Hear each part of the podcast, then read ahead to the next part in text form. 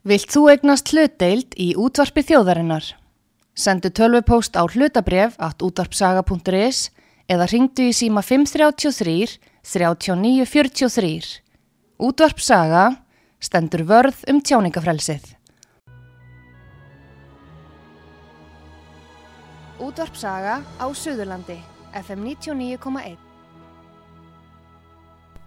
Sýtiðis útvarpið með Artrúði Kallstóttur og Pétri Gunnlaugsinni, þar sem ekkert er gefið eftir.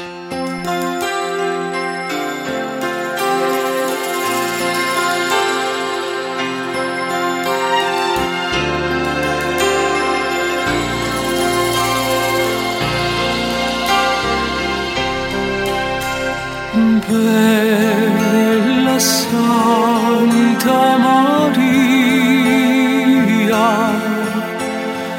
llena eres de gracia,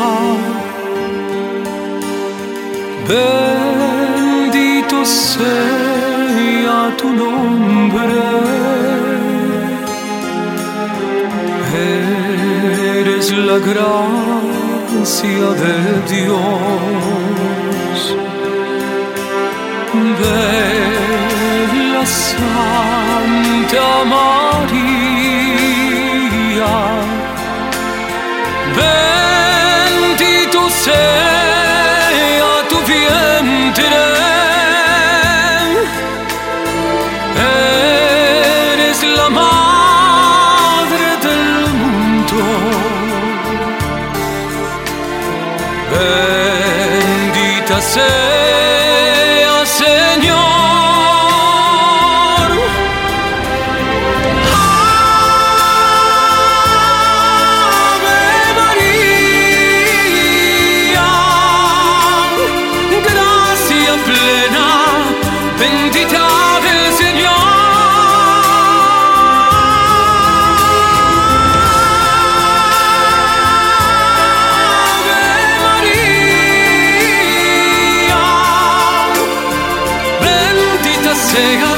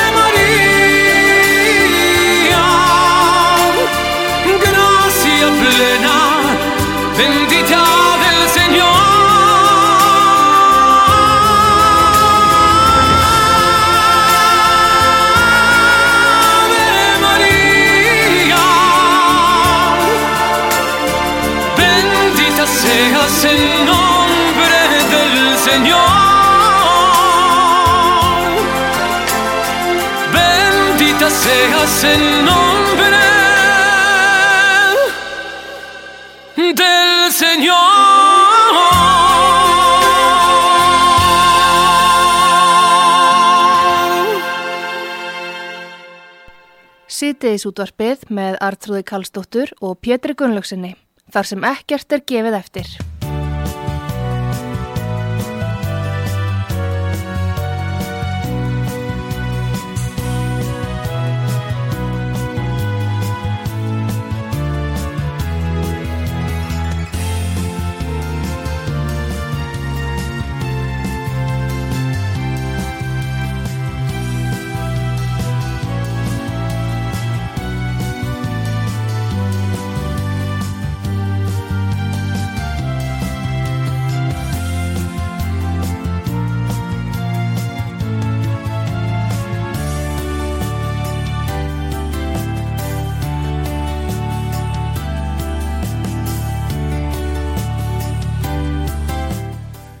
Komið í sæl þegar að hlusta út á sögu Artrúðu Kallstóttur og Pétur Gullursson heilsingur. Við ætlum að ræða við Styrmi Gunnarsson fyrir um rittstjóra Morgunblasins og, uh, og ritt, ritt má segja því að hann er líka með heldur út í bloggsíðinu styrmi.is og við ætlum að ræða um helstu málinn hér, það eru auðvitað samherja málið og fiskveiði stjórnunarkerfið eins og það er og hvort þetta hafi nú verið mistök að, að eh, setja þetta fram í því formi sem var gert eða hefur þetta bara mistekist á síðar í stegum og fleiri mál en styrmir, góðan dag og velkomin út á sögu. Velkomin. Takk. takk. Hvernig eru þín viðbröð? Þú ert búin að vera út í Þískalandi núna undanfari og svo kemur núna heim og þá er samherja máli hér í umræðinni og margir bara vita ekki sitt rjúkandir á. Nei, Hvað segir alveg? Ég, ég get alveg skilið það að fólk viti ekki, viti ekki sitt rjúkandir á því að þetta er þetta stóra alvarlegar ásakanir mm og við skulum náttúrulega ekki gleyma því að í dag er þetta ásakanir, þetta er ekki mm. sagt, staðfest með, með neinum dómeðinu slíku en, en hérna en vísbendingarnir eru mjög sterkar eins og þetta kom fram í, í kveik þætti sjónvarsins og, og hérna og auðvitað er þetta áfall fyrir þjóðuna sko það sem að mér finnst sárast í þessu máli fyrir utan allt annað það er bara þetta, við erum hérna smáþjóð norðu höfum, mm. við berjumst í aldarfjörðung með kæfti og klóm fyrir því að ná yfiráðum yfir okkar einu öllindum. Og það tókst á lokum, mm. 1. desember 1976 þegar síðasti breski tógarinn sildi frá Íslandsmiðum. Mm. Síðan hérna 40 árum setna að þá kemur það í ljós að Íslendingar hafa hagað sér með einhverju svipuðum hætti í Afríku, í fátaku Afríkuríki eins og breytar högu sér hér við okkur og auðvitað er, er að senda herskipir eitt og að múta mönnum með peningum er annað en það er ekki betra að múta mönnum með peningum. Og, og það er ekki betra það er ekki sko betra að múta heldur en að taka við mútum. Ég lít svo á að verknari sé svo sami á, á, á kvotn hátt sem á þetta lítið en þetta finnst mér sárast fyrir okkur sér þjóð. Af því það er svo hörmulegt að það skulle verið Íslendingar sem eru að beita einhverjum áþekkum aðferðum við fátakt Afríkuríki eins og þessi svokvöldu menningar þjóður í Evrópu með breyta í farabróti hérna síndu okkur. Já, en uh, svona þegar að þú horfir á þetta líka út frá samskiptum Íslands við alþjóðarsamfélagið uh, við erum búin að vera í þessu alþjóðarsamstarfi, allt gott um það að segja og við bara þurfum að vera það en síðan rekur svona hvert máli á fætur öðrum þar sem við höfum ekki alveg farið eftir leikreglum. Núna nýjasta dæmið er til dæmis þessi gráilisti þar sem við höfum vanvirt að fara eftir reglum og setja það reglu sem nöðsilegar eru. Það er líka núna nýkomið málu upp með ríkisútarpi þar sem við vanvirtum að fara eftir ESA samkomiðlagi frá 2013 og fleiri mál sem á reykja við erum að vanvirða það er reglur í alþjóðarsamfélaginu sem við höfum að fara eftir og jáfnvel þetta núna. Sko þessi tvö síðast nefndum málu sem þú talar um, þetta er náttúrulega sko hefur ofinbæra kerfi Já. og því meira sem við sjáum af þessu ofinbæra kerfi okkar, þeim mun augljósara finnst mér að það þurfa að fara í gegnum mjög rótæka endurhæfingu. Mm.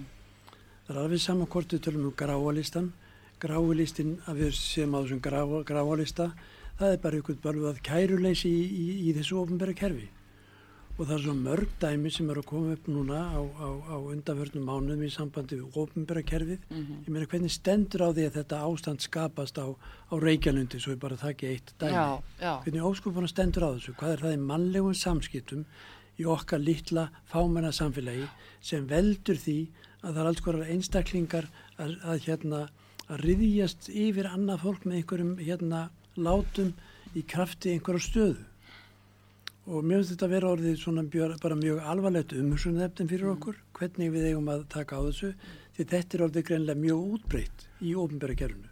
En þá erum við komin í mitt að því ef þetta er ofnbæra kerfið um, svona sundum við nú sagt að eftir hafðunni dansa limitnir og þá er, þá er það uh, enga kerfið sem er þá samherja máli sem er undir eftirlit og að stýringu hins ofnbæra uh, voru menna þá líka að, að setja leppin fyrir uh, blinda auga? Ég bara hef ekki hugmyndum þar hrúður, ég Mm. ger mér enga grein fyrir því hvernig á þið stendur ef að þetta er það sem er rétt sem sagt er um samverja að þeir hafa komist upp með þetta, Mm. ger mér enga grein fyrir því eða þetta bara sýnir alveg rosalega veikleika í okkar samfélagsgerð Mhm. og við verðum að horfa á stjögu það. En það sem vekur líka aðtegli styrmir er þetta að þegar þeir fara til annara landa og eru að veiða þar innan lögsuga annara ríkja þá greiða þeir fyrir það. Greiða fyrir það að fara til Grænlands, Barensa og líka fyrir utan múturnar náttúrulega sem þeir greitu þá greitu líka hérna fyrir aðgang að þessari öðlind, náttúruöðlind, sjávaröðlind í Namibíu. En á sama tíma vilja þær ekkert borga hér þessi neinu nefnur og berjast hatramlaði gegn því á vinnu sínum í stjórnmálastjættinni og öðrum vettfangi hér innan óbyrra gerans. Já, sko, nú sko við vera klára á því að, Pétur, að, að, hérna, að það er náttúrulega orðin vítak samstaða um auðlindagjöld sem var ekki. Það var bullandi anstað við auðlindagjöld úr öllum áttum þegar að við á mokkanum byrjuðum að skrifa um þetta upp á 1990 og eins og ég hef nú sagt hér áður, það var ekki ég sem að, að frumkvæða því, það var Mattías Jóhannesson, það var skáldið sem skildi betur heldur við hínir hvað var að gerast. En, en hérna e, svo er það sko hvernig, hve- hvernig þeir sem sagt e, haga sér í öðru löndum ég veit ekki hvernig maður á að horfa á þetta mér finnst bara svo sárt að fólk frá þessari þjóð sem er búin að berjast sinni baráttu fyrir því að ná yfir ráðum yfir sínum eigin öðrundum skuli svo hagast í svona kakvart öðrum þjóðum En nú var Íslenska ríki búið að aðstóða Namibíu. Þeir voru að byggja upp eða hjálpa þeim að byggja upp sjávarúð.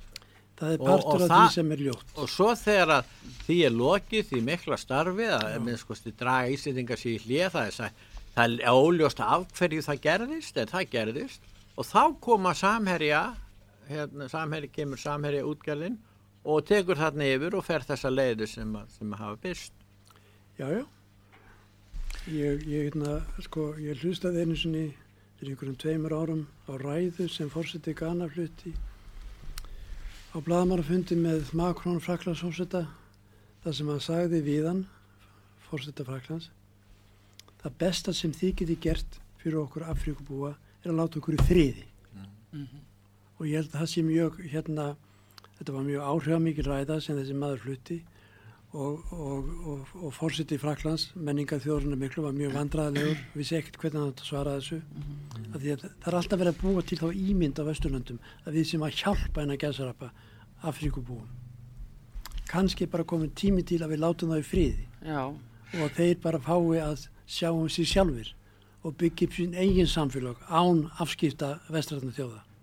Já, eiga sér En það mjög, eru nú aðalega- mjög. En það er nú aðalega evrósku nýlendu þjóðarnar, það er frakkarnir og englýtingarnir og það eru þeir sem hafa nú verið með á sérstaklega frakkarnir og svo koma kynverðinir líka núna. Ekki En- gleyma belgum. Já, belgum, ég alltaf á sínu tíma, en svo er það alltaf bandaríkjumenn hafa verið með mikla, mikla þróunar aðstóð anna inn í þe- þessu samfélag, en kannski ekki verið með mikil afskipta þinn, nema alltaf þeir hafa kannski viljað hafa í kaldarstríðinu, vildu þeir hafa stjórnin þessara ríka sín megin í kaldarstríðinu, það er nú nokkuð ljós.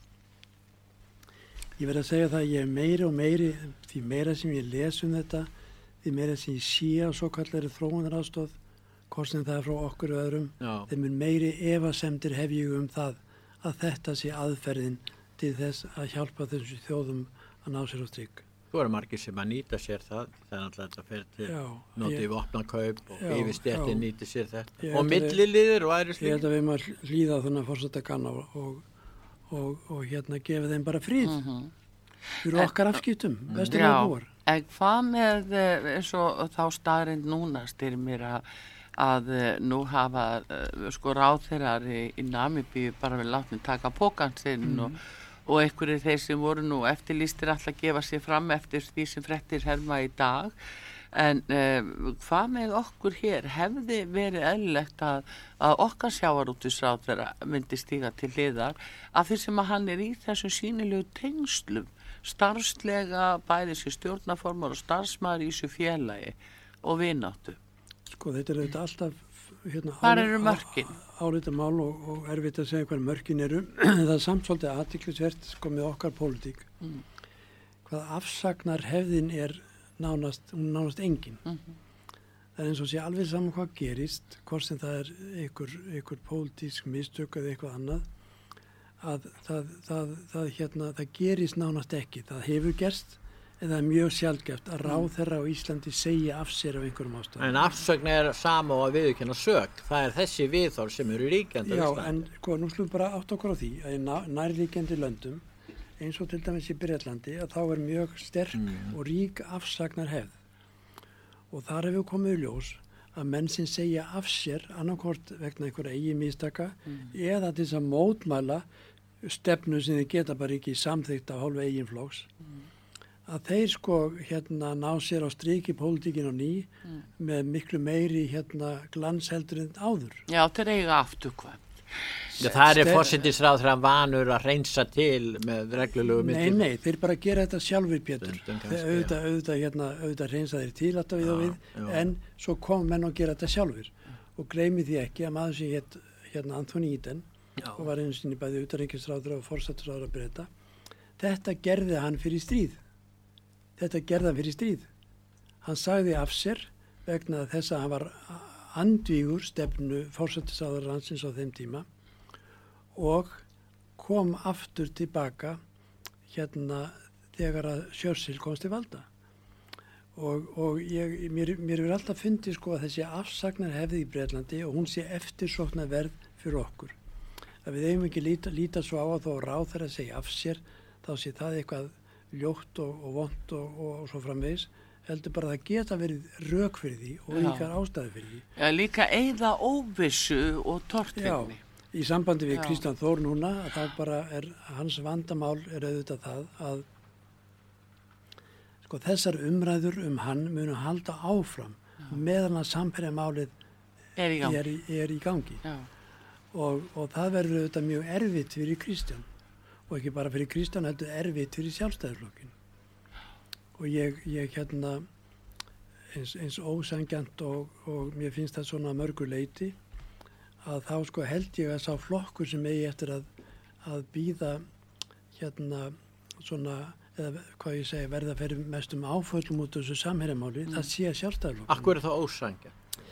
vegna þess að, að hérna sko ég gle- gleymi bara alls ekki því sem ég hef nú nefnt hér áður við ykkur hverjir það voru sem byrg, byggu til fyrstu miljardamæringan á Íslandi Með framsalin. og það er ójöfnuður sem að fólk þólir mjög illa að hafi orðið.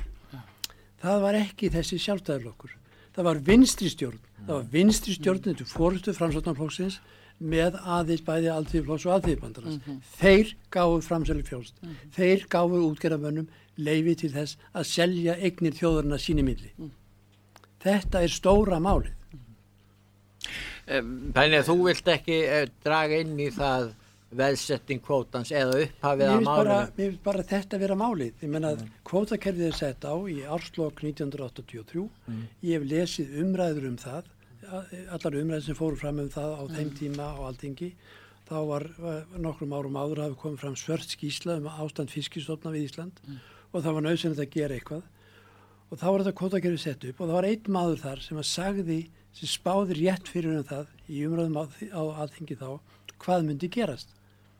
Hann heiti Guðmundur Einarsson og hann var, hann var þingmaður bandala sjafnaðamanna. Hann lísti því nákvæmlega í þeim umræðum hvað myndi gerast. Þegar að Sigur Ringi kemur á, þingi, á fundi framsóknarflokksins um daginn á Akureyri og segir að það aldrei verið meiningin með kótakerfinu að búa til ofuríka menn á Íslandi. Þetta var sagt í desember 1983 og í, í, í, árið 1990 setur framsóknarflokkurinn, flokkur Sigur Ringa, hefur hann fórust um það að afnema hérna, takmarkina á framsal kvótans. já. En síðan hafa sjálfstæðismenn verið Að sjálfsögðu hafa verið- að sjálfsögðu- Jó, en hvað samt sem áður styrmir, það er aðtýrlisvert og minnist á Sigur Inga því að þetta er nú svona, það er nú gengur nú ymsi ríkistjórninni vantilega út af þessu.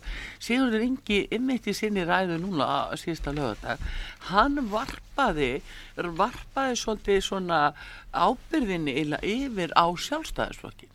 Það vakti aðtikli, situr náttúrulega með sjálfstæðisflokknum í ríkistjón en varpað að þessari ábyrður og sjálfstæðisflokkin, segir þetta ekki talsið til um það hvað er að ganga á, á stjórnarheimilinu? Ég, veistu það, ég hef ekki hugmynd um hvað er að ganga á stjórnarheimil og annað heldur en það. Ég held að sé allt saman bara mjög rólegt og friðsamlegt þar. Ég heyri ekki annað sko. En, en hérna, En gera með þetta svona í nánu samstarfi, týðkast þetta, sýnist þetta í gegnum árin að þið séu að, að varpa ábyrð svona yfir á eru allir að íta ábyrg frá sér yfir aðra. En, en, en, en ég segi bara við ykkur að mér finnst Sigur Ringi vera á hættulegri braut Mm. að vera að tala eins og hann talaði þarna á Akureyri Mm. vegna fortíð hans eigins flokks í þessum málum. já. Ef við förum í... En er það nokkuð hættu, er það ekki bara ágætt og þá fara menn að rifja upp fortíð framsöndaflokksins og fórustumanna fyrir fórustumannaflokksins sem að tóku ríkastan þátt í því að koma á þessu kerfi. Jú, jú, en, en sko, hérna, skulum ekki gleyma því að, að, að flokkar, flokkar jafnaðamanna alltíðu bandar og alltíðu tóku fullan þátt í, Jú. fullan þátt í. En sko, það sem ég finnst er að gerast í dag í sambandi við þetta samherjamál, fyrir utan umræður um samherjamálið sjálf, þá eru að vakna aftur umræður um kótakerfið. Og, og, og mér finnst það svolítið merkilegt að þær skulle vera að vakna aftur og sem sýnir náttúrulega að það er ekki orðin hérna fullkomin sátt um þetta mál allt saman í okkar samfélagi enn þann dag í dag. Og ég hef aðeins sko orðið var við það að ég vil útgera með sjálfur orðin hrættir við þetta. Hrættir við það að þetta mál sé að munum, munum einhverjum hækni knýja fram breytingar á þessu kerfi. já, já. Enda styrmir ef við bara, bara skoðum þetta aðeins að er það eðlilegt að af því sem að þetta er nú náttúruauðlind, er það eðlilegt að þetta gangi erfir? Að kottnútt fólk í dag sé að erfa kvóta og, og óveit rogn í sjónum? auðvitað er ekkert Er eitthvað að er ekkert að þessu eðlilegt hérna Artrúður má ég bara minna þig á það? Já, að þegar að, að morgunblæði byrjaði að skrifa um þetta 1990 mm, við þeim hætti sem ég var að segja að það hefði gerst að þá voru nú ekki margir sem að tóku undir með okkur. Nei, En það voru margir, nokkrir hagfræðingar og þú manst að sjá Það það já. haf- sem að höfðu miklar áhyggjur af þessu og hvernig eignaskiptingin er í landinu í framtíðinni og, og þeir bentu mitt á það að það veri hægt að lækka skatta hjá launþegum ef að tekið væri upp auðlindastefna. Og það voru fjölmörgunur atriði sem hagfræðingar sem voru innan jafnvel sjálfstæðisflokksins eða voru frekar á þeirri línu sem heldu upp í þessari umræðu og þetta? Ég vil fullröða við þig að þeir heldu ekki upp í þessum umræðum það var bara eitt blað á Íslandi Já, þeir voru að umræðum. skrifa í morgunblad, já, já, þessir menn. já, já, þeir voru að því. það var ekki, það voru ekki aðalamröðna. Ég veit þetta vel Já. við stóðum raunverulega í blóðugum átökum, blóðugum átökum við LJU og við fórumstu sjálfstæðarflóksins á þeim tíma að vísu fram til 1998 þegar, það, þegar, þegar, þegar sjálfstæðarflokkun allt í einu tóku bara stefnu. En voru ekki ákveðinir hagfræðingar sem stutti ykkur í morgunbladinu? Það voru, það voru nokkrir hagfræðingar sem Já, ég er að tala um það já. sérstaklega. En sko, það má ekki gleyma því að allþýrflokkur náttúrulega á þessum tíma, hann barðist fyrir hérna annars konar breytingum heldunni viðgerðum. Mm. Allþýrflokkurinn sagði þá að bjóða kvótan upp á marka. á markaði. Já. Hann segði að fylgdi markastefni í já, en morgunbladið fylgdi ekki markastefnu, heldur sagði að þetta taka upp veiðigjöld. já, Og ástæðan var svo að við þóttum sjá fram á það ef að kvótinni bóðið upp á markaði. já, Þá myndi hann sapnast allur og hendur örfára fyrirtækja. Já, það og, og, og, og að litlu og að litlu sjávarútugsfyrirtekin Já. litlu kallanir í sjávarútuginum að þeir hérna yr- yrðu undir af augljósum ástæðum En það hefur gerst að þeir hafa voruð undir með og þessu það kerfi. hefur, gleymum því ekki það var sett þákakvótan Já. en nú eru byrjar umræður um það að kannski hafi menn farið eitthvað í kringum þetta þak sem var sett það var sett hámarks þak á, á það hvað, hvert útgerða fyrirtæki mætti eiga kvóta Það væri hægt að sitja þak eða það er upp og, sleik. og, og hérna sko, mér, fyr, mér var alltaf finnst augljóst að hættan væri svo ef að farið var upp á sleiðin að þá myndu stóru fyrirtækin yfirgnafa litlukallana mér finnst sjálfum sko sjálfstæðarflokkurinn vera flokkur sem raunverulega var sko, byggður upp í kringum litlu enga framdagsmennina trillu kallana hvort sem var í sjávaróti eða í öðrum atvinnugrunn það finnst mér vera svona sjá sjálfstæðarflokkur sem að Þeirra ég, einirkar voru fjölmenni Já, í landinu. sem að ég er gekk inn í. já. Já, og mér finnst það vera einn eftirsóknarverði sjálfstæðarflokkur. Mhm.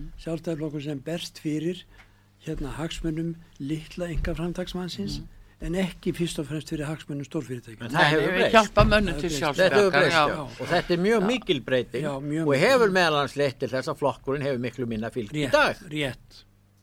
Við ætlum að fá auðlýsingar hér á útvarpi sögu, við erum að tala, um, tala við Styrmi Gunnarsson fyrir Ristjóra Morgunblassins og við erum að ræða um samherjamálið og uh, kvótakerfið allt saman ætlum við að ræða hér forsöguna af því hér á eftir auðlýsingar.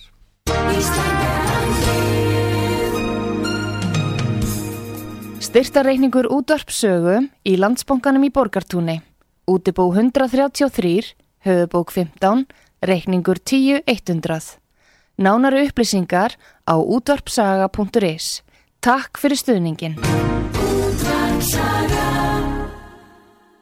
Útvarp Saga, besti vinnu þinn. Húðfægrun auglýsir 20% afsláttur af augnlifti meðferðum í nómubер mánuði. Húðfægrun vegmúla 2 sem er 533 1320 533 1320. Búslóðaflutningar í gámum, gerum verðtilbóð, flutningur.is, sími 575 3000. Ódýrar sérgeimslur, geimsla1.is. Sól og blíða Indlandi í februar, Deli og Gullni þrýhyrningurinn og síðan kvíld á ströndum Góa söður Indlandi. Bjarmaland ferðarskristofa, sími 770 50 60, bjarmaland.is, sími 770 50 60. Gefðu slökun og veljiðan í jólagjöf. Nýju magnísíum gjafa öskjurnar frá Essential Magnísíum. Innihalda magnísíum baðflugur í baðið, fótabaðið og bodyljósjón og bodyspray. Allar vörurnar innihalda góð náttúruleg vöðvaslakandi og bólgueðandi efni sem bæta hilsuna og auka veljiðan. Fást í apotekum, hilsubúðun og heilsanheim.is. Ný selolía með íslenskum leiðbenningum sama innihald. Selolían er einstök olía sem mælt er með fyrir liði, maga, þarmastarfsemi, ónæmiskerfi og XM. Hátt hlutfall omega-3 fytusýra. Mikil virkni og selolían fæst einnig í hilkjum. Læknar mæla með selolíinni. Selolían fæst í apotekum, hilsubúðum, fjardarkaupum, þinni verslun seljabraut, melabúðinni, víðisverslunum og fiskbúðinni trönurhönni. Ekki gleyma tímareiminni, þú veist hvað gerist þá. Nikola í bifræðastillingar faksafinni 12, sími 588 2455, 588 2455. Hjá Dóra í mjótt, alvöru matur fyrir alvöru fólk.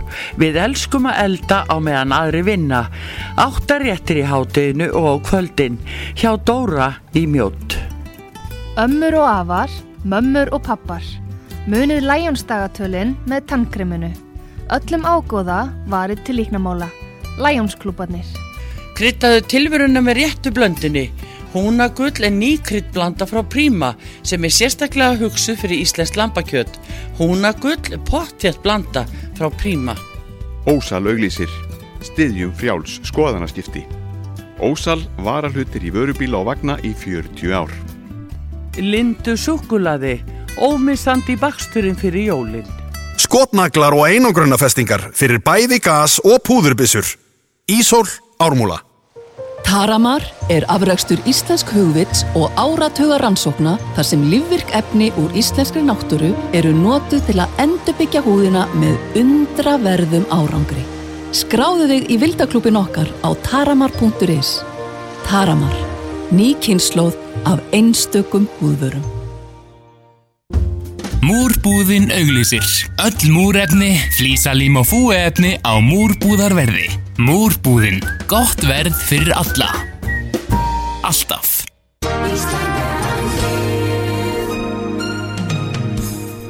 Styrtareikningur útvarpsögu í Arjón banka borgartúni. Útibú 301, höfubók 26, reikningur 111100. Nánari upplýsingar á útvarpsaga.is. Takk fyrir stuðningin. Sýtiðis útvarpið með Artrúði Kallstóttur og Pétri Gunnlaugsinni. þar sem ekkert er gefið eftir.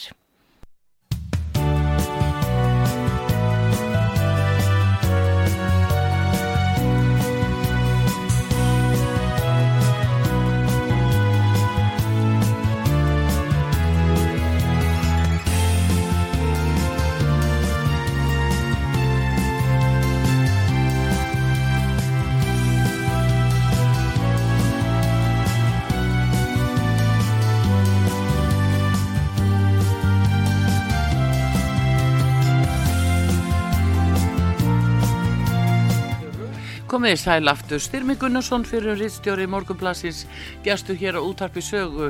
Og við erum að fara að ræða um upphaf fiskviðstjórnuna kervisins hér á árum áður 1983 Styrmir. Eh, Þú mást náttúrulega vel svo langt því að þið á Morgunblaðinu stóðu heldur betur vaktina gegn þessu gegn þessu kerfi, sérstaklega framsalinu, en þegar þetta var að byrja uppalega á hugmyndin um að, að það ætti að útluta mönnum eftir veiðireynslu síðastliðin þrjú ár þar og undan, þá leit þetta nú svona saklislega út nema margir óanæði með og þeim fannst mörgum að, að þarna væri verið að handvelja pólitíska vini viðkomandi ráþöra. Sko, eins og ég mann þetta trúður, þá hérna, þá hófust þessar umræður ekki þá. Sko, það er, kvótakerfið er sætt á í kjölfærið á svartri skýslu sem kom nokkrum árum áður Mm. um stöðu fiskistofna við Ísland. Og, og hérna, og það hefur allir skilning á því að það yrði að gera einhverja ráðstafni til þess að takmarka veiðarnar, hérna, menn get ekki bara fara út og sjó og veitt eins og það Mm. síndist, það hefur allir skilning á því og, og hérna og ég man ekki eftir sko miklum deilum um kvótakerfið sem slíkt þegar það var í, í meðferðin þingsins þarna í lok árs 83 en næstu árna eftir eftir það var sett þá byrjaði kollegi minni sem heit Mattias Jóhannesson Mm að tala um það að það var við að koma hér upp ykkur nýju lénskipulagi. Já. og við Björn Bjarnason sem þá var á blaðinu við skildum ekki hvað Mattias var að segja við bara bóttum ekki í því við bara skildum hann ekki. Það tók mig svona nokkur ár að skilja hvað var að segja. Mm. en þegar ég skildi það og Björn honum fann að blaðinu þá að þá sem sagt hérna hófust við Mattias handum mjög regluleg skrif um þetta og sögðum að líkilatrið væri það þjóðin á fiskimiðin og útgerðarmenninni eiga, eiga borga gjald fyrir réttin til þess að veiða úr þessari þjóðregn. Og um þetta stóðu þessar harfitu deilur fram til ásins 98 þegar að Davíð Ótsson og ríkistjórn hans hérna ákveður að kjósa öðlindanemnd á alþingi sem að fóru getum máli undir fórhústi Jónasson Hordals og, og skilaði tillögum um það að það ætti að taka upp öðlindegjaldi sjáuriti sem og öðrum atvinnugreinum þar sem um var að ræða hérna sameigilegar eigni þjóðarnar. Já. Og það var ekki bara sjáurúturinn, það er líka orkulindirnar að hluta til, ekki öllu leiti heldur að hluta til. Sumstaðar eiga einstaklingar hérna eh, réttin Mhm. og, og hérna og þá líka eh, mann ég var á þeim tíma sem ég var svolítið upptökin á þeim tíma þá voru sko útvarsbylgjur eða fjarskiptabilgjur að það ætti að, að rukka fyrir réttin til þess að nýta þær Já. það sé að láta ykkur hér á. Sögu Eins og gert er. borga fyrir þetta. Og, og ég maður eftir hérna, tölvurum umræðum um þetta á þeim tíma þá var þetta gert í útlöndu líka sko. Og, og hérna en sem þetta umræðurna byrja ekki fyrr heldur að ráði fyrr heldur en að þessi vinstri stjórn stjórn flokkana Mhm. sem að hérna gaggrínir ójöfnum mest hún tekur þessa grundvöldar ákvörðun gefa framsali frjálst og býr til fyrstu míljarmarengana þegar að útgerðarmennir fara að selja, kaupa og selja kvóta sín í milli. Já. Þetta finnst mér vera einn ein örlagaríku þáttaskýl í okkar hérna samfélagi sem að raunverulega setja allt á annan endan. Mhm. Og það er vissu rétt sem að maður saði við mig í dag, bara núna í hátinn í dag, að, að hérna, að með engavæðingu bankana, Mm. að þá sko, þá, sko, þá er, þá er þeirri þróum bara fyllt eftir. Og, Þannig að forsendan fyrir því öllu saman var þessi stefni í sjávar. Já. Og þá urðu til miljardamæringar Já, Íslandi já.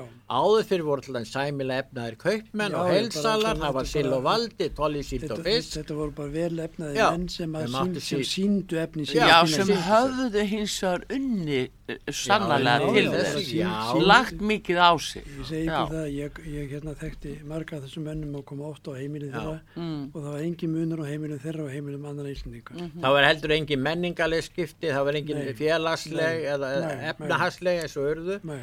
og, og hérna þannig að það verða þarna þáttaskil ekki bara á efnahagsviðinu heldur, heldur bara þjóðfélagsmálin breyt Já, gjörbreytast, gjörbreytast. En samt sem áður styrmi það eh, aftur til þess að 83 þegar að það vera að taka þess ákvörðun að fara þrjú ár aftur í tíma til að skoða veiðireynslu skipa um, hversu réttlátt var það? hver bjóð til þá hugmynd Ég sko segi bara við ykkur eins og satt er, ég hef nákvæmlega ekkert vita af þessu.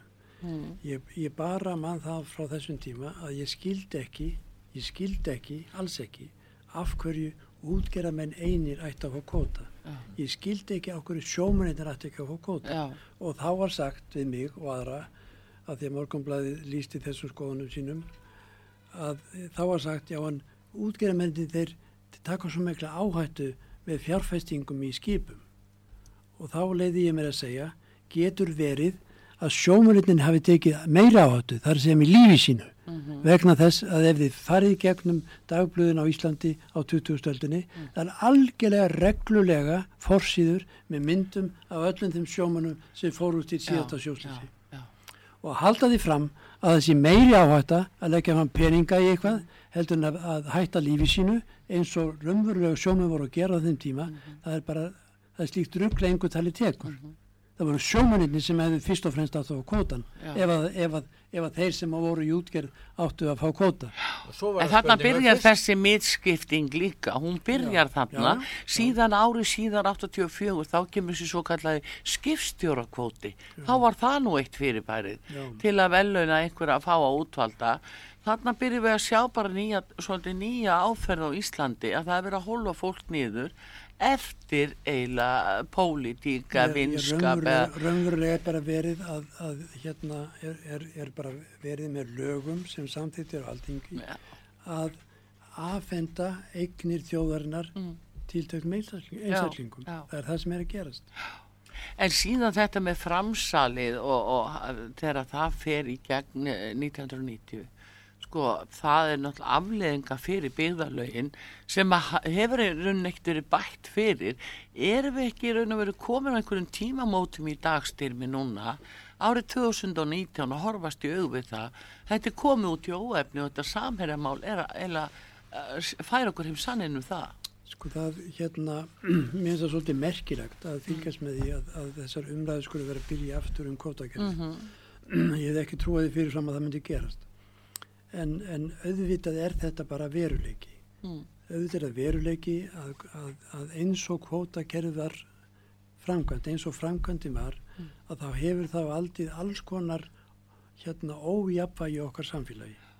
Ég meina, hérna, það var verið að segja mér það í dag að það hefur einhverjir, ég man ekki hvort það verið 10 eða 20 bátar eftir í verðmenni. Hver, hvernig í óskopunum stendur á því að það eru svona fáir bátar eftir í einni helstu útgerðar miðstöð landsins Já. og, og, og hérna og tímabilið þá veistust nú er bara auðn á vestfjörðum en svo náðu nú bólunguvík sér upp svona sem útgerðar staðu fyrir, fyrir minni báta en, en þe- þetta, er, þetta hefur allt saman, þetta er ekki bara að skapa ójöfnuð, þetta er líka að skapa einhvers konar ójafvægi Mhm. í landinu Já. og það, mér finnst vegna bara í sjálfu sér mjög ánægilegt og gott að samherjamálið skuli vera að vekja þessar umræður upp aftur því að það þurfa að fara fram. Af því að stundu getur eitthvað verið gott eh, tímabundi en það er ekki þar með sagt að þurfa Já, að vera er bara- að eilífu. Það, þessar umræður bara þurfa að fara Já. fram og mér finnst það bara mjög gott að við sjáum eins og núna til dæmis fyrir norðana þá er þessi, það er verið að tala um það að saminna sveitafélögum við Akureyri eins og Grenivík og fleiri útgerastadi Mhm. sem að bara blómstra óttast það að þessi settir inn í þessa hít, þá ég tek það fram það fyrir samherjamáli, en fara inn í samherja hítina sko að menn fengi ekki lengur að vera í sínu sjálfstæði vegna þess að þeir eru gleiftir inn í að þeir voru orðin svo stórir og valdamikli. En að vísu skulum skulum ekki gleyma því Artrúður að þessi, þessi spurning um saminningu sveitafélaga. Já, það er svo annað mál reyndar. Já, það er annað mál En sko. eh, þetta en- er bara en- kjör dæmi af því en- að það er en- kvótin sem er í Já, því. en gleymi því ekki sko saminningu sveitafélaga Mm. að þessi tvöfalda, þessi margfalda yfirstjórn sem er á sveitarfélagum í Íslandi. Mm. Já, já. Hún er alltof sko, hún er alltof margfald. Já. Þetta, hversinni ósköpunum Já. eru, fer ekki fram saminning sveitafélag og Reykjavíkusvæðinu. Já, já, það er svo Já, bara efni já, annað já, þátt er og, bara annað mál, en- ég bara að því ég nefndi við ykkur, greni mig þarna því þeir hafa verið mjög sjálfbærir og, og staðið fyrir sínu þannig að ég tek það bara svona sem dæmi Sko, þið sjáum hvað gerist, sjáum hvað gerist alltaf þegar, þegar svona einhverjum hagsmunum er ógnað allt í hennu er þegar farið er, að- tala um saminningu sveitafélaga þá er ákveðnum hagsmunum ógnað. Hagsmunum fólksins sem vinnur á bæjarskristofunum hagsmunum hérna fólksins sem sýtur í bæjarstjórnunum og svo framvegis og framvegis. Segðu bæjar stjórna, stjórana svo maður tala ekki um Já. þá. Þannig að, að það, það fara alltaf í gang sko einhverja varnir Mm. stundum mjög hlægilegar eins og það sé til einhver ákveðin starða sveitafélagi sem sé heppilegar heldur önnur sem ég erði fyrir nokkrum árum. Þannig að en, en, en þetta, er, þetta, er, þetta er annað heldur en það sem við erum að tala Já, já, en hins vegar að þá er það alveg styrmir og hefur verið svona uh, talað um það margóft og þess að hér á þessari stöða að, það er um svona uh, vald alþingis og lögjafan sem stofnunar að að þessi fari stöð mingandi ekki bara út af erlendur regluverki sem við erum bundin að taka inn í okkar rétt heldur líka vegna afskipt, afskipta fjármagsægjanda og útgerðarinnar. Útgerðin er raun og verið ráði gríðarlega miklum lagasetningar út af peningum sem þeir setja í stjórnmálaflokkana og, og svo framvegist þeir bara fá sínu fram. Þar að lindi bara þórin hefum allan okkur þingmaður að reyfa við því Sko þetta er alltaf vandamál bæði hér og annar stað. Mhm. Og þetta er vandamál sem verður til með nýri stjætt sem heitir almannatenglar. Mhm. Svo kallar lobbyistar útlensku. sem að raunverulega eru bara að vinna fyrir stórfyrirtæki í því að hafa áhrif á gerðir löggevarðinga á, á öllum vesturlöndum. Þetta er mjög ríkt í bandarækjunum og líka meir og meir í Európu þar sem að almannategnandi sitja um hérna áhrifamenn í Európusambandinu til þess að hafa áhrif á það sem það gerist. Og þetta er auðvitað stór hættuleg þróun bara fyrir líðræðið í landinu, líðræðið í þessum löndum. Og þetta er líka gerast hér þó að sé miklu minna mæli en, en þá er þetta gerast hér. Og, og þetta er auðvitað hérna algjörlega óþólandi.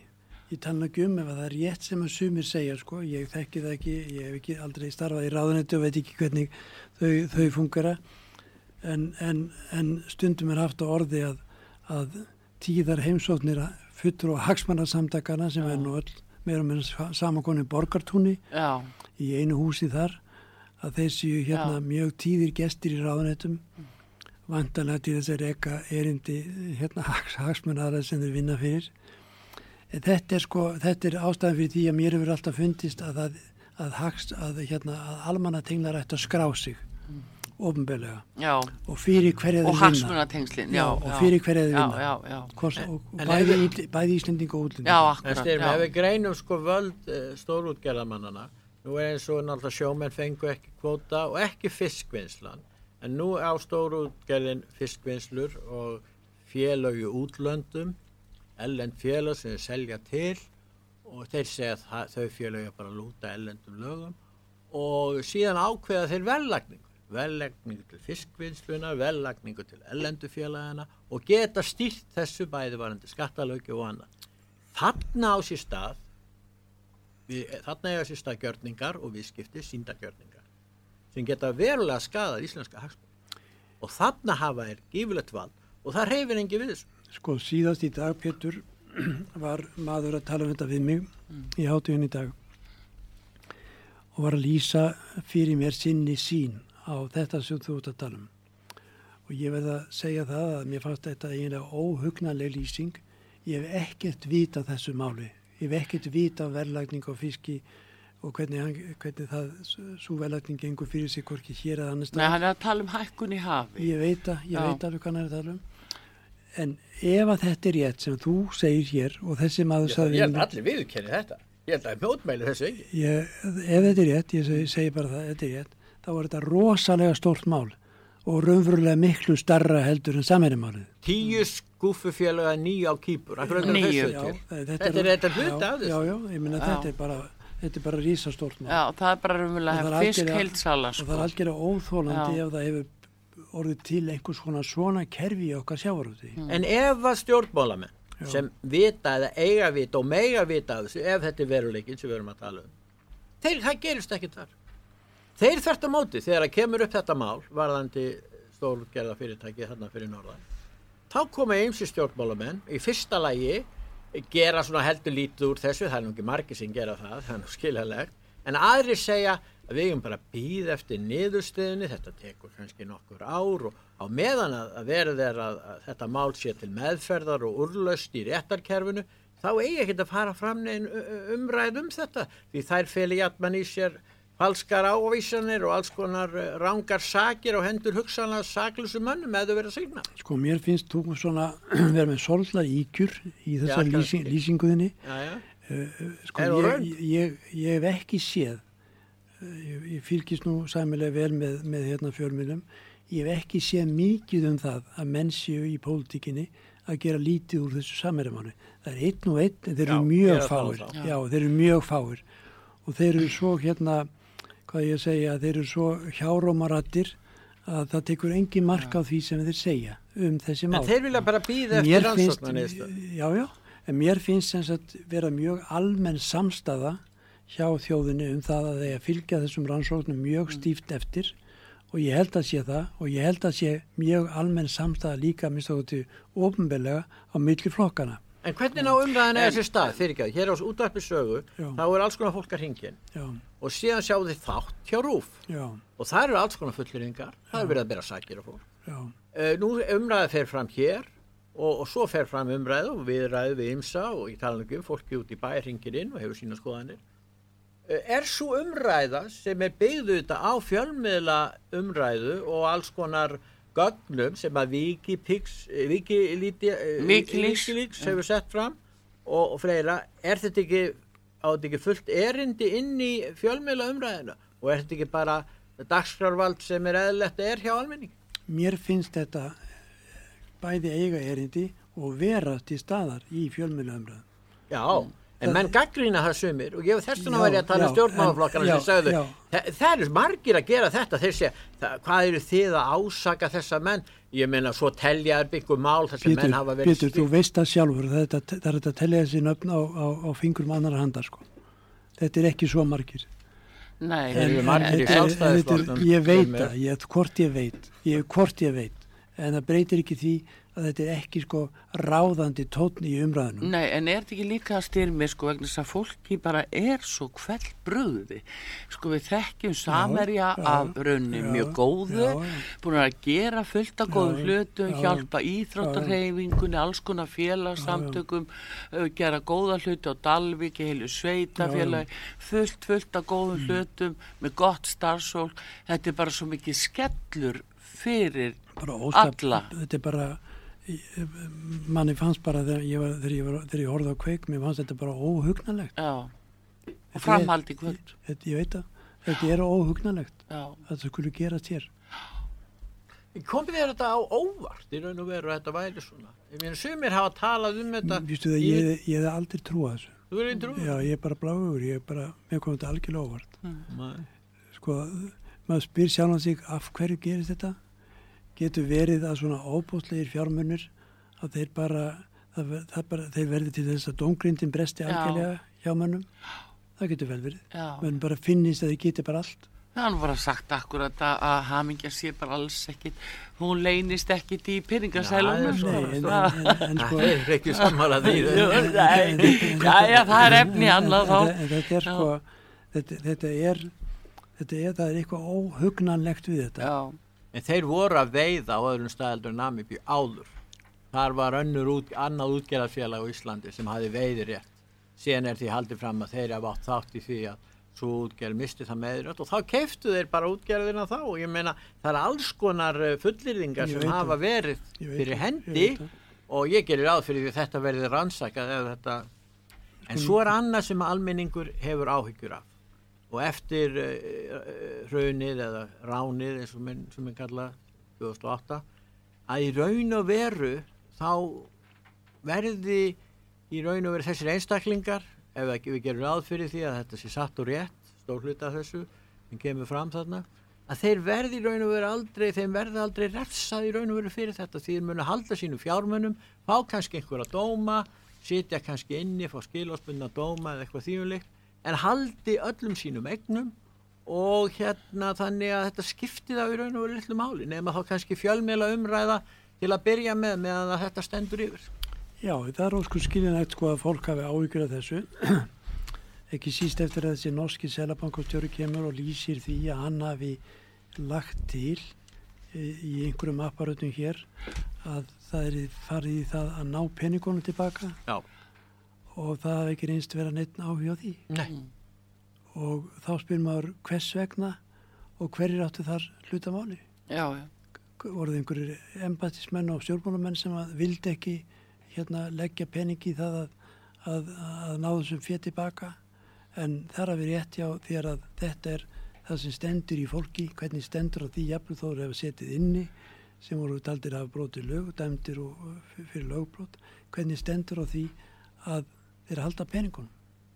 Já, það hefur fráfælinga mátt að taka þeim pening, já, taka þeim já, fjármunni. Ekki hitt. Að. En svo erum við að tala einmitt um að Namibía sé e, e, e, eitthvað vanþrói. Þeir eru búin að kyrsetja skip og, og taka Já, menn og já. annað. Þeir eru nú ekki vanþróaðir en það. Hver eru vanþróaðir? Já, hver eru vanþróaðir? Á þessu sviði, Já, réttarfjögur. herðu, en eh, bara hér og eftir smástundu ætlum að halda áfram að tala uh, við Styrmi Gunnarsson, við ætlum að tala um stjórnmálu við hann og fáum auðlýsingar en uh, höldum áfram, förum í pólitíkina.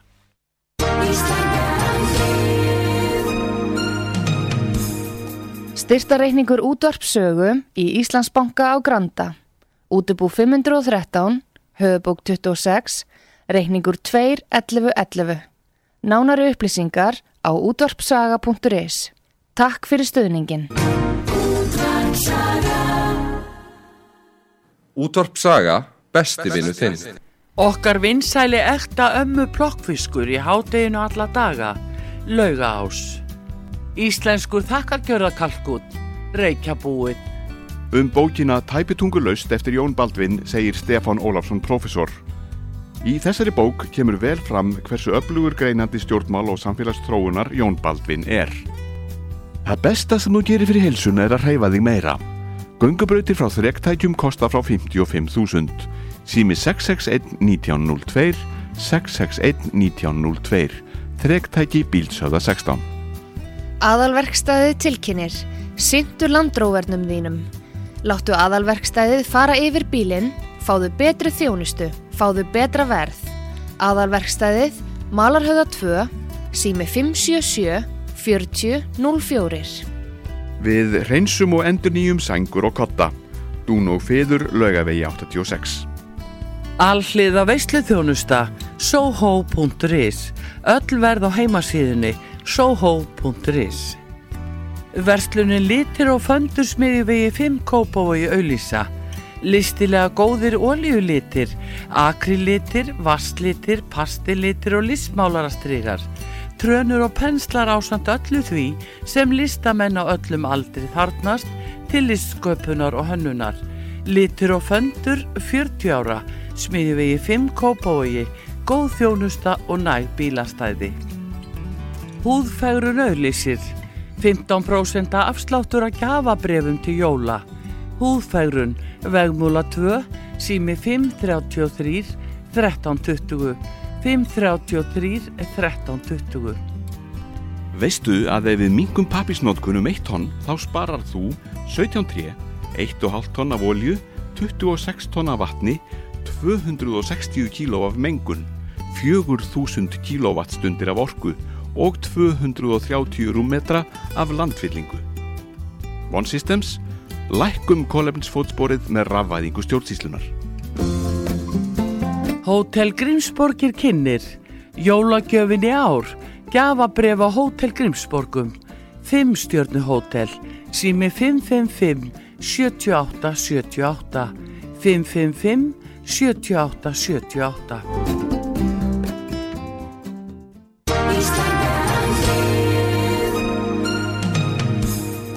Styrtareikningur útvarpsögu í landsbónganum í Borgartúni. Útibú 133, höfubók 15, reikningur 10.100. Nánari upplýsingar á útvarpsaga.is. Takk fyrir stuðningin. Sýtiðis útvarpið með Artrúði Kallstóttur og Pétri Gunnlaugsinni. Þar sem ekkert er gefið eftir.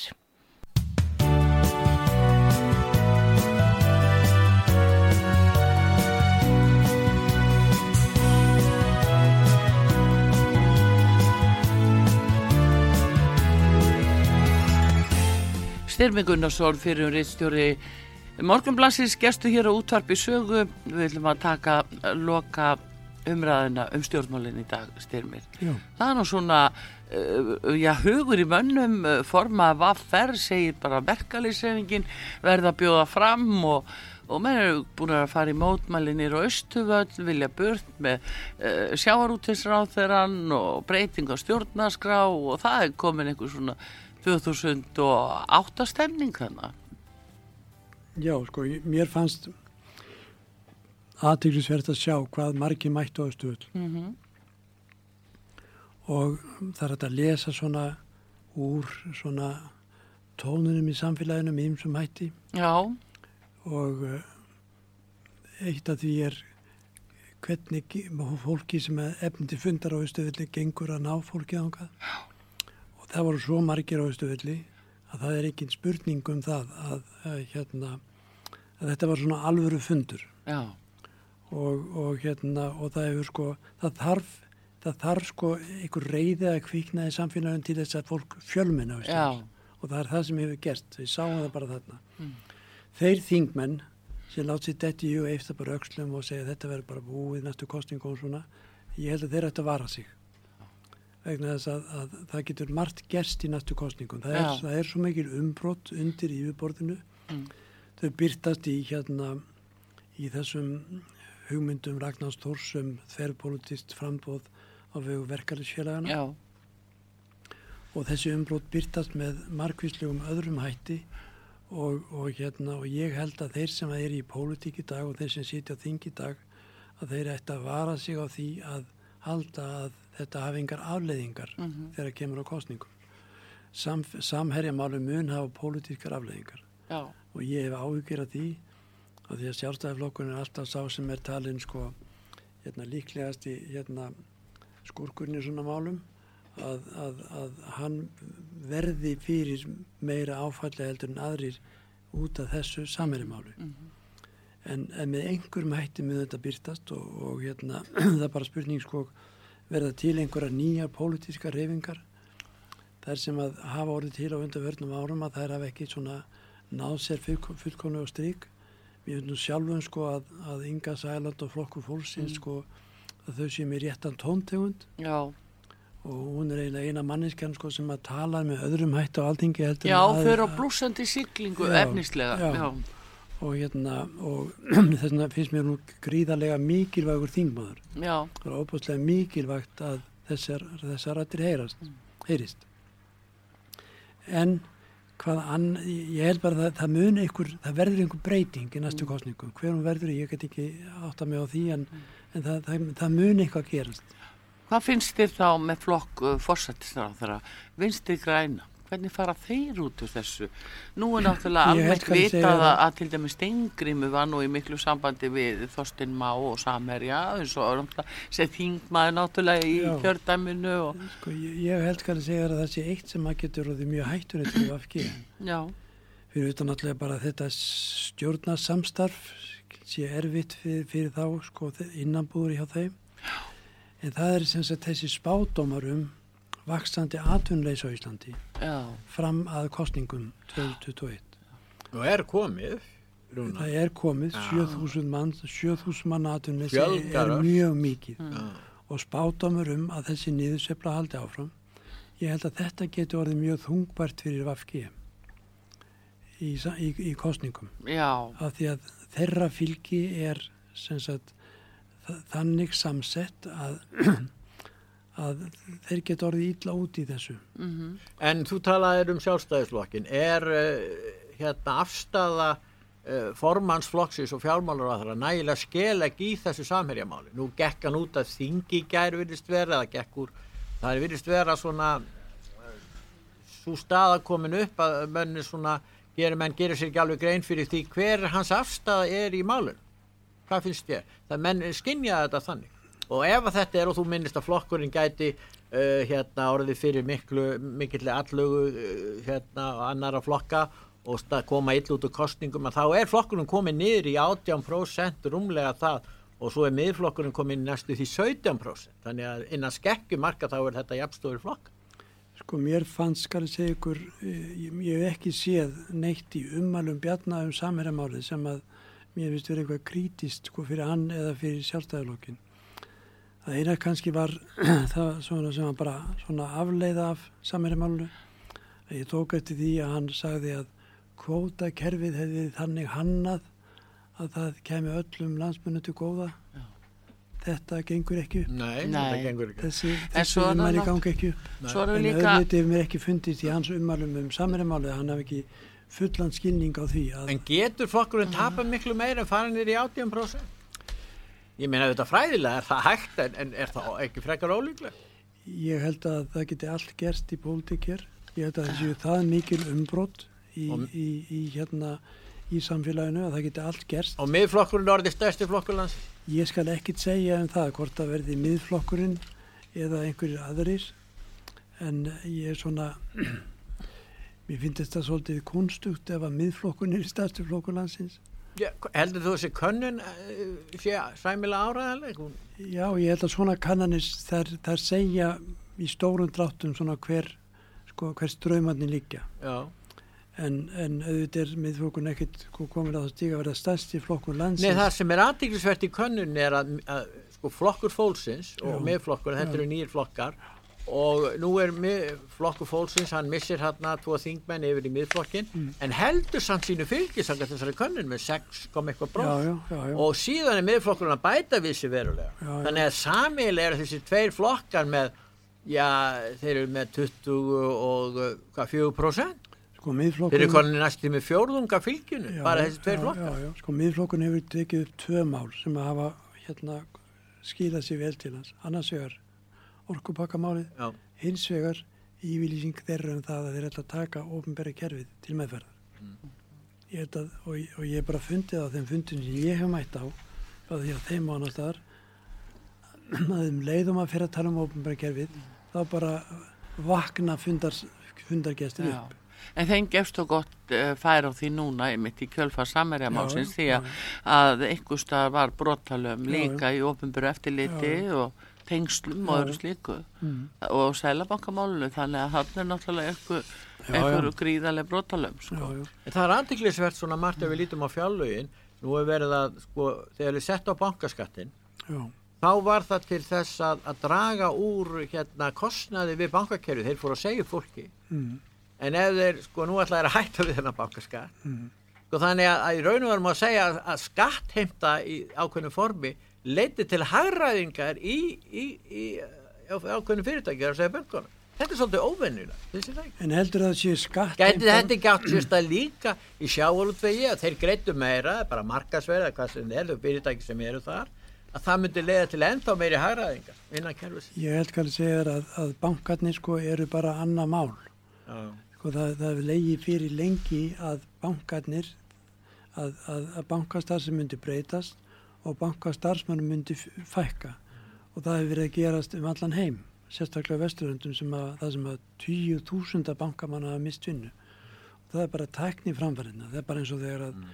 setirinnir hurfa á morgunblæðanum með, með tækni framfærin til að törfut og kontu sögunar og, og, og ég held að sko að ég held að sé, það sé mjög mikil hagræðing í gangi í sjávarúti í útgerðinni það er gríðaleg hérna hagræðing held ég í, í, í vinslunni í skipunum sjálfum. Já, já. hvernig fiskurinn er meðhandlaður þar. Og þetta er að vera mjög svona velrænt allt saman. Þannig að ég held að ég held að bankaskattun hafi ekkert að gera með hægraðingi í bankakerfinu. Ég held að sé bara svo staðrind að bankastar sem er að breytast og það hlýtur að koma fram í rekstri bankana Það er nefnilega það, herrið, þetta látum við verða lokaorðin í byli hjá þér, Styrmi Gunnarsson, fyrir. um riðstjóri Morgunblassins Takk, takk. og sem heldur út í síðunu styrmi.is og hérna við eh, þakku þér kjalla fyrir kominninga til okkur út Takk af sögu. takk fyrir að Gangi koma, allt í Styrmir. haginn. Takk, fyrir. Og hér og eftir eh, Haukur Hauksson okkar maður í Moskvu og Guðlu Þór Þórðarsson utryggisráttara sem þar eh, var á fund í dag með Lavrov utryggisráttara Rúslands eftir skamastund hér á útarpi sögu. Ay, amor, la vida, la vida se me va, se escapa de mí. Uh,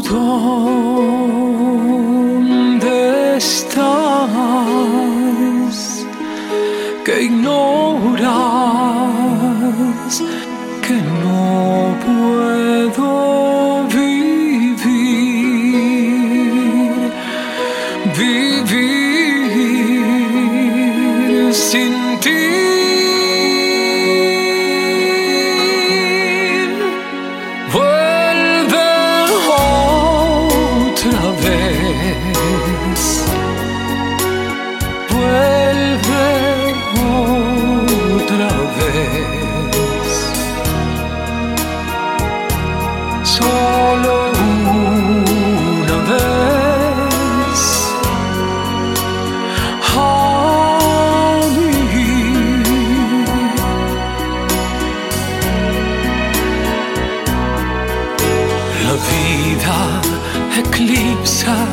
aquel sol que eras tú y me condenó sin piedad.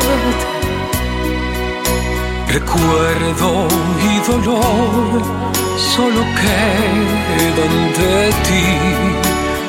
Toma compasión, vuelve a mí.